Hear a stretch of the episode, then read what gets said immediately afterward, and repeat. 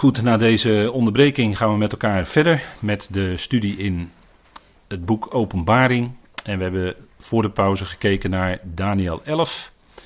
En daar een aantal versen gezien over die koning van het noorden. En we hebben in het verleden Daniel ook besproken met elkaar. Maar hier ziet u dan iets meer Daniel en Openbaring wat op elkaar geschoven en in de tijd geplaatst voor, voor zover we dat kunnen. En dat achtste hoofd, dat is waarschijnlijk degene om wie het gaat. Hè. Dat is de leider van het christendom, een hoofd met tien hoornen. En als hij opnieuw verschijnt na zijn dodelijke wond, dan zal hij waarschijnlijk de leider zijn van een westers militair bondsgenootschap. En tussen haakjes heb ik erbij gezet de NAVO, maar dat weten we natuurlijk niet. Maar dat zou zomaar kunnen. dat is wat we uh, ja, zien in onze tijd. En uh, als we nog even kijken in dat boek Openbaring, in Openbaring 17, dan zien wij eigenlijk in die volgende versen, die wil ik dan even met u lezen. Openbaring 17. Vanuit de proeven van concordant vertalen.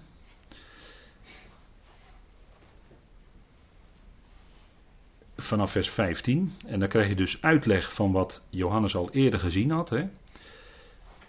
En hij zegt tot mij: Deze wateren die jij waargenomen hebt, waar de hoer op zit, zijn volken en scharen en natieën en talen. Want dat is wat Johannes zag. Laten we even dat vers erbij pakken. Openbaring 17, vers 1. Waar de boodschapper tegen Johannes zegt. Dat is een van die boodschappers die die zeven schalen, die gerichtschalen in handen heeft. Die sprak met mij, staat er dan zeggend: Kom hierheen, ik zal je het oordeel tonen van de grote hoer die zit op vele wateren. Dat is het beeld wat Johannes ziet. En dat wordt dan uitgelegd in vers 15. Deze wateren die jij waargenomen hebt, waar de hoer op zit, zijn volken en scharen en natieën en talen. En dan het volgende punt. En de tien hoornen die jij waargenomen hebt en het wilde beest.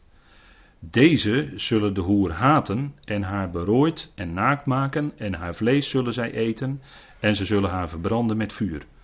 En dat is het gericht over Babylon, wat dan door het beest zelf, hè, God zal zelf dat beest inzetten om ook het gericht over die hoer te laten uitvoeren. En dat is dan het gericht over Babylon en dat is wat we in Openbaring 18 lezen. Babylon zal vallen en dat zal heel snel gaan en het zal ook verbrand worden en het zal daarna ook nooit meer terugkomen. Het zal tot een grote ruïne worden en het zal ook nooit meer uh, terugkomen. En dat eerste vers van Openbaring, want we hebben al even aangegeven dat in Jeremia daarover ook wordt gesproken. En het is misschien goed om dat even op te slaan met u. Dat Openbaring 17, dat vinden wij uh, terug in Jeremia 51. Jeremia 51. Dan kunnen we even met elkaar vergelijkend dat bekijken. Jeremia 51.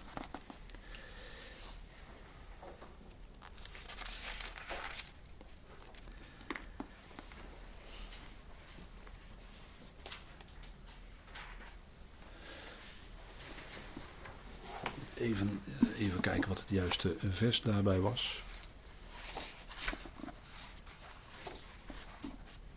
Jeremia 51 vers 13. Jeremia 51 vers 13. En er wordt dan van Babel gezegd. En dan lees ik even inleidend vers 12 erbij. Hef een banier omhoog tegen de muren van Babel. Versterk de bewaking. Stel wachters op. Leg hinderlagen. Want de Heere heeft zich immers voorgenomen wat hij ook zal doen. Wat hij heeft gesproken over de inwoners van Babel. U die woont aan grote wateren, die rijk bent aan schatten, uw einde is gekomen, de maat van uw winstbejag. En u ziet hier eigenlijk al aangegeven, zoals we dat ook in Openbaring 17, vers 1 lezen, dat het een grote, en blijkt later dus een stad te zijn, maar dat het een grote rijkdom bezit. Hè? De grote hoer die zit op vele wateren, en met wie de koningen van de aarde hoereren en de aarde en die de aarde bewonen werden dronken door de wijn van haar hoererij. Dus als je nu in de wereld om je heen kijkt, dan zie je alles draait dol. Alles wordt, wordt, wordt, uh, wordt als het ware, lijkt het wel gek gemaakt. En dat is omdat, men, omdat de wereld eigenlijk al dronken is. Die, uh, die, die, die waggelt, hè, in dat beeld dan, die waggelt eigenlijk op de voeten. Als een dronken man. En dat is wat komt door die wijn die gegoten wordt uit die gouden beker. Waar men van drinkt. En, waar, hè, en met, die, met, met Babylon, hè, de, die, die, uh, die heeft een zodanige invloed op de koningen. Dat zij daarmee in zee gaan en uh, daar, daar eigenlijk mee verbonden zitten en daar eigenlijk aan vastzitten. Dat is wat gebeurt. Nou, dan hebben we uit uh, Jeremia 51. En bijvoorbeeld ook een paralleltekst is Jeremia 51, vers 7. En als we dat even met elkaar lezen. En dat is wat tegen Israël ook gezegd wordt. Hè? Later in openbaring 18, even vers 6 erbij lezen. Vlucht weg uit het midden van Babel. En dat is wat je ook leest, wat tegen de, de Joodse mensen wordt gezegd die nog in Babel zijn eventueel. Vlucht daaruit weg, uit dat midden. Laat ieder zijn leven redden, wordt in zijn ongerechtigheid niet verdelgd, want dit is de tijd van de wraak van de Heer. Hij vergeldt het wat het verdient. Babel was in de hand van de Heer een gouden beker, die de hele aarde dronken maakte, en van zijn wijn hebben de volkeren gedronken, en daarom gedragen de volkeren zich als een waanzinnige. En wat uh, dus u ziet hier, wat eigenlijk ook in openbaring 17 beschreven wordt, openbaring 17 onder andere vers 1, die gouden beker. En vers 4, open, of vers 4 en vers 2 moet ik zeggen. Openbaring 17 vers 4, daar zien we in feite datzelfde. En de vrouw was omhuld met purper en scharlaken. Dus er wordt nog wat voor Johannes verder ingevuld. Verguld met goud en waardevolle steen en parels. Een gouden beker in haar hand hebbend. Boordevol met gruwelen en de onreinheden van de hoererij van haar en van de aarde. En dat is wat Jeremia al aangaf. Babel was in de hand van de Heer een gouden beker die heel de aarde dronken maakte. En we zien nu dus dat hier in Jeremia erbij gezegd wordt, in de hand van de Heer. Dus het is uiteindelijk toch in zijn hand. Het moet toch zo gebeuren. En dan ook vers 2, dat lees je ook terug in, in, uh, uit, vanuit uh, Jeremia 51. De koningen van de aarde met wie de koningen van de aarde hoereren en die de aarde bewonen, werden dronken door de wijn van haar roererij. Nou, dat is wat je in Jeremia 51, vers 7 ook leest. En er wordt ook toegeschreven aan Babel. Hè? Dus dan zie je in feite hetzelfde. dus dat is, als je, dat is heel mooi als je zo schrift met schrift kan vergelijken. en eh, bijvoorbeeld nog een is Jezaja 47, als we dat even met elkaar opzoeken. Jezaja 47.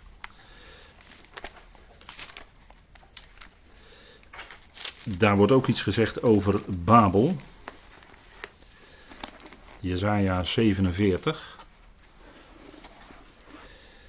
En dan de versen 5 en 7 gaat het in het bijzonder om. En daar spreken we al dan van het gericht. Jezaja 47 vers 5. Zit neer in stilzwijgen, ga het duister in, dochter van de Galdeën. Want men zal u niet meer noemen gebiedster van de koninkrijken.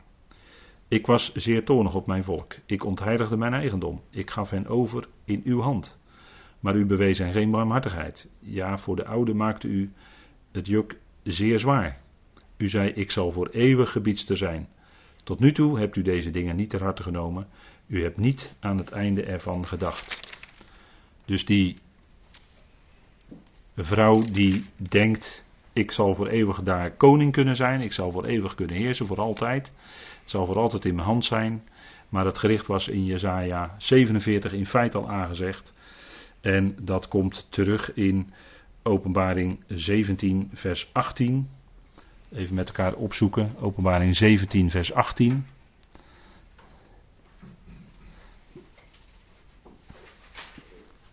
En daar wordt het beeld van die vrouw dus verder uitgelegd wat het is. En de vrouw die jij waargenomen hebt, is de grote stad die een koninkrijk heeft over de koningen van de aarde. En hier, dit is dus letterlijk, die vrouw is het beeld en dit is letterlijk. Hier wordt het beeld uitgelegd, wat het is. want een beeld is een beeld en een beeld moet je uitleggen wat het dan letterlijk betekent. En je moet de uitleg van de schrift volgen. Het is dus een stad. En dan hoofdstuk 18, vers 7 en 8. Zoveel zij zichzelf verheerlijkt heeft en wilderig geweest is, geeft haar zoveel kwelling en rouw, omdat zij in haar hart zegt: Ik zit als een koningin. En een weduwe ben ik niet. En rouw zou ik in geen geval kennen. En derhalve zullen in één dag haar slagen komen, dood en rouw en honger, en met vuur zal zij verbrand worden, want sterk is de Heere God die haar richt. Dus dat is het gericht over Babel. Wat gaat dan in één dag gebeuren en wordt het voltrokken?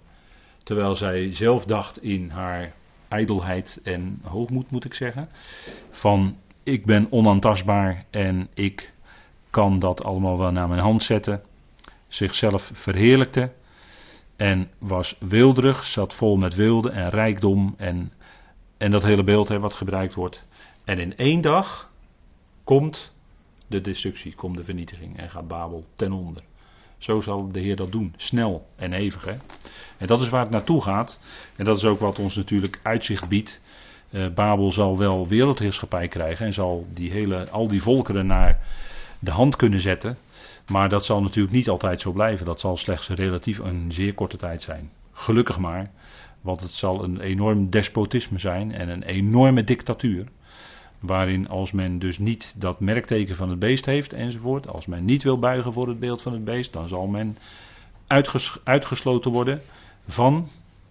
Nou, dan kan je niet meer naar de supermarkt. Kan je niet meer kopen en verkopen. En dan weet je wat er gebeurt. Of men wordt sowieso gedood omdat men dat beest niet wil aanbidden. Die tijd gaan we tegemoet. Zo'n verschrikkelijke dictatuur. En dat wens je niemand toe. Dat wens je niemand toe. Maar toch gaat het gebeuren. En het is eigenlijk onontkoombaar.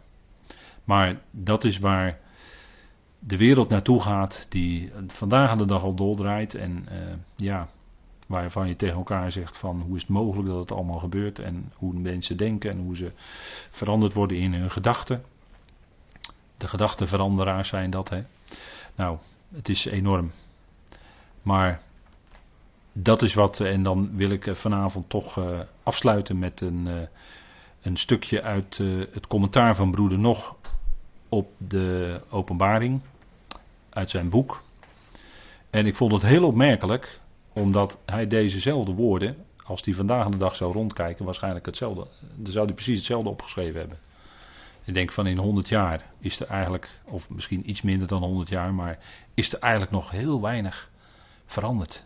En was het toen eigenlijk al zo, als je met de oog, geestelijk oog kijkt. Hij zegt in dat boek, bladzijde 463, heb ik even een stukje uit vertaald voor u. We vragen ons soms af of de wereld krankzinnig is geworden. In haar gekte om rijkdom, macht en genot na te jagen. Maar we weten dat ze slechts dronken is. Laten we hopen dat onze tijd kort is en dat Babylons korte regering op de, op de opgehouden wordt door de verschijning van Christus zelf. Want we hebben een ontmoeting met onze Heer voor deze donkere dagen.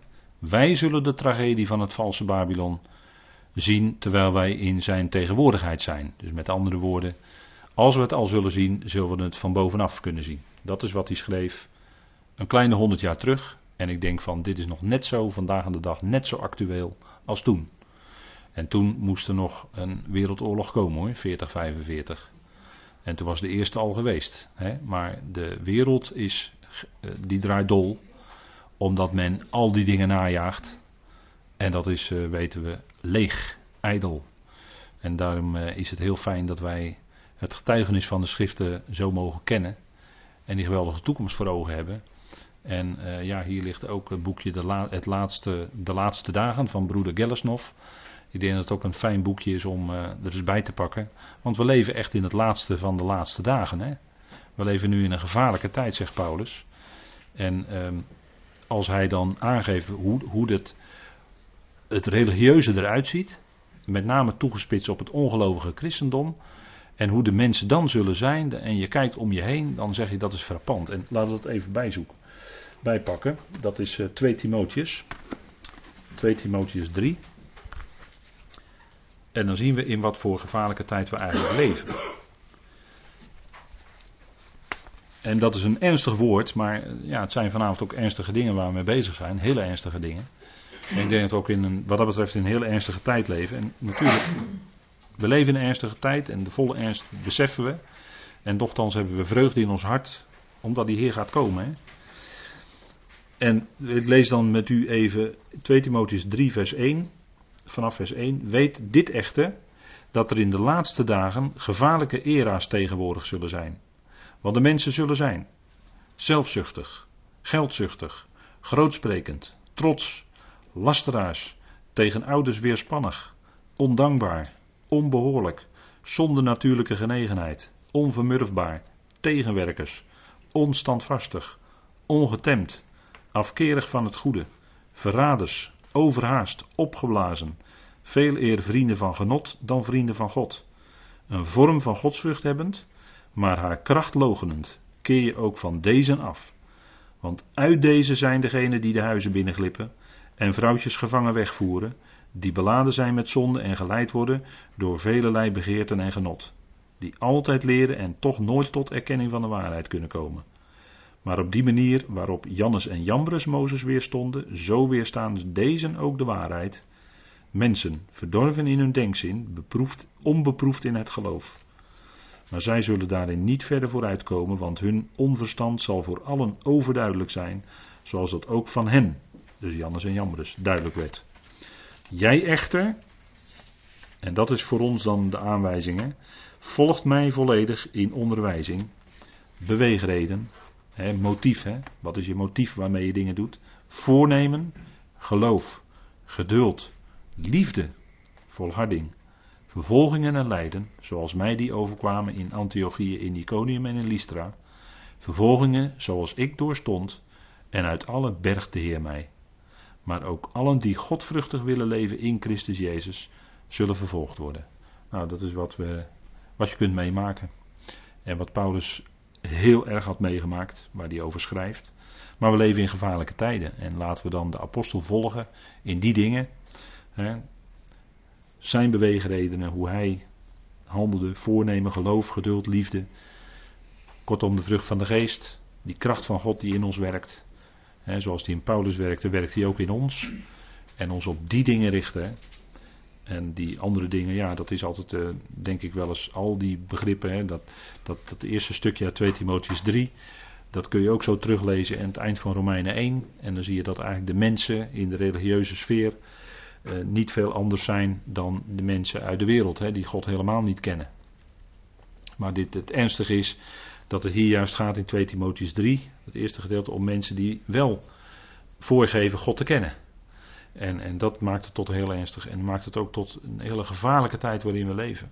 Waarin je eh, niet zomaar in kan gaan op dingen, ook al dient het zich nog zo mooi aan. En dat doet het zich voor als werkelijk licht en met de Bijbel erbij en noem alles maar op. Maar wat zouden we ja, steeds weer blijven toetsen wat in die schrift staat. Hè?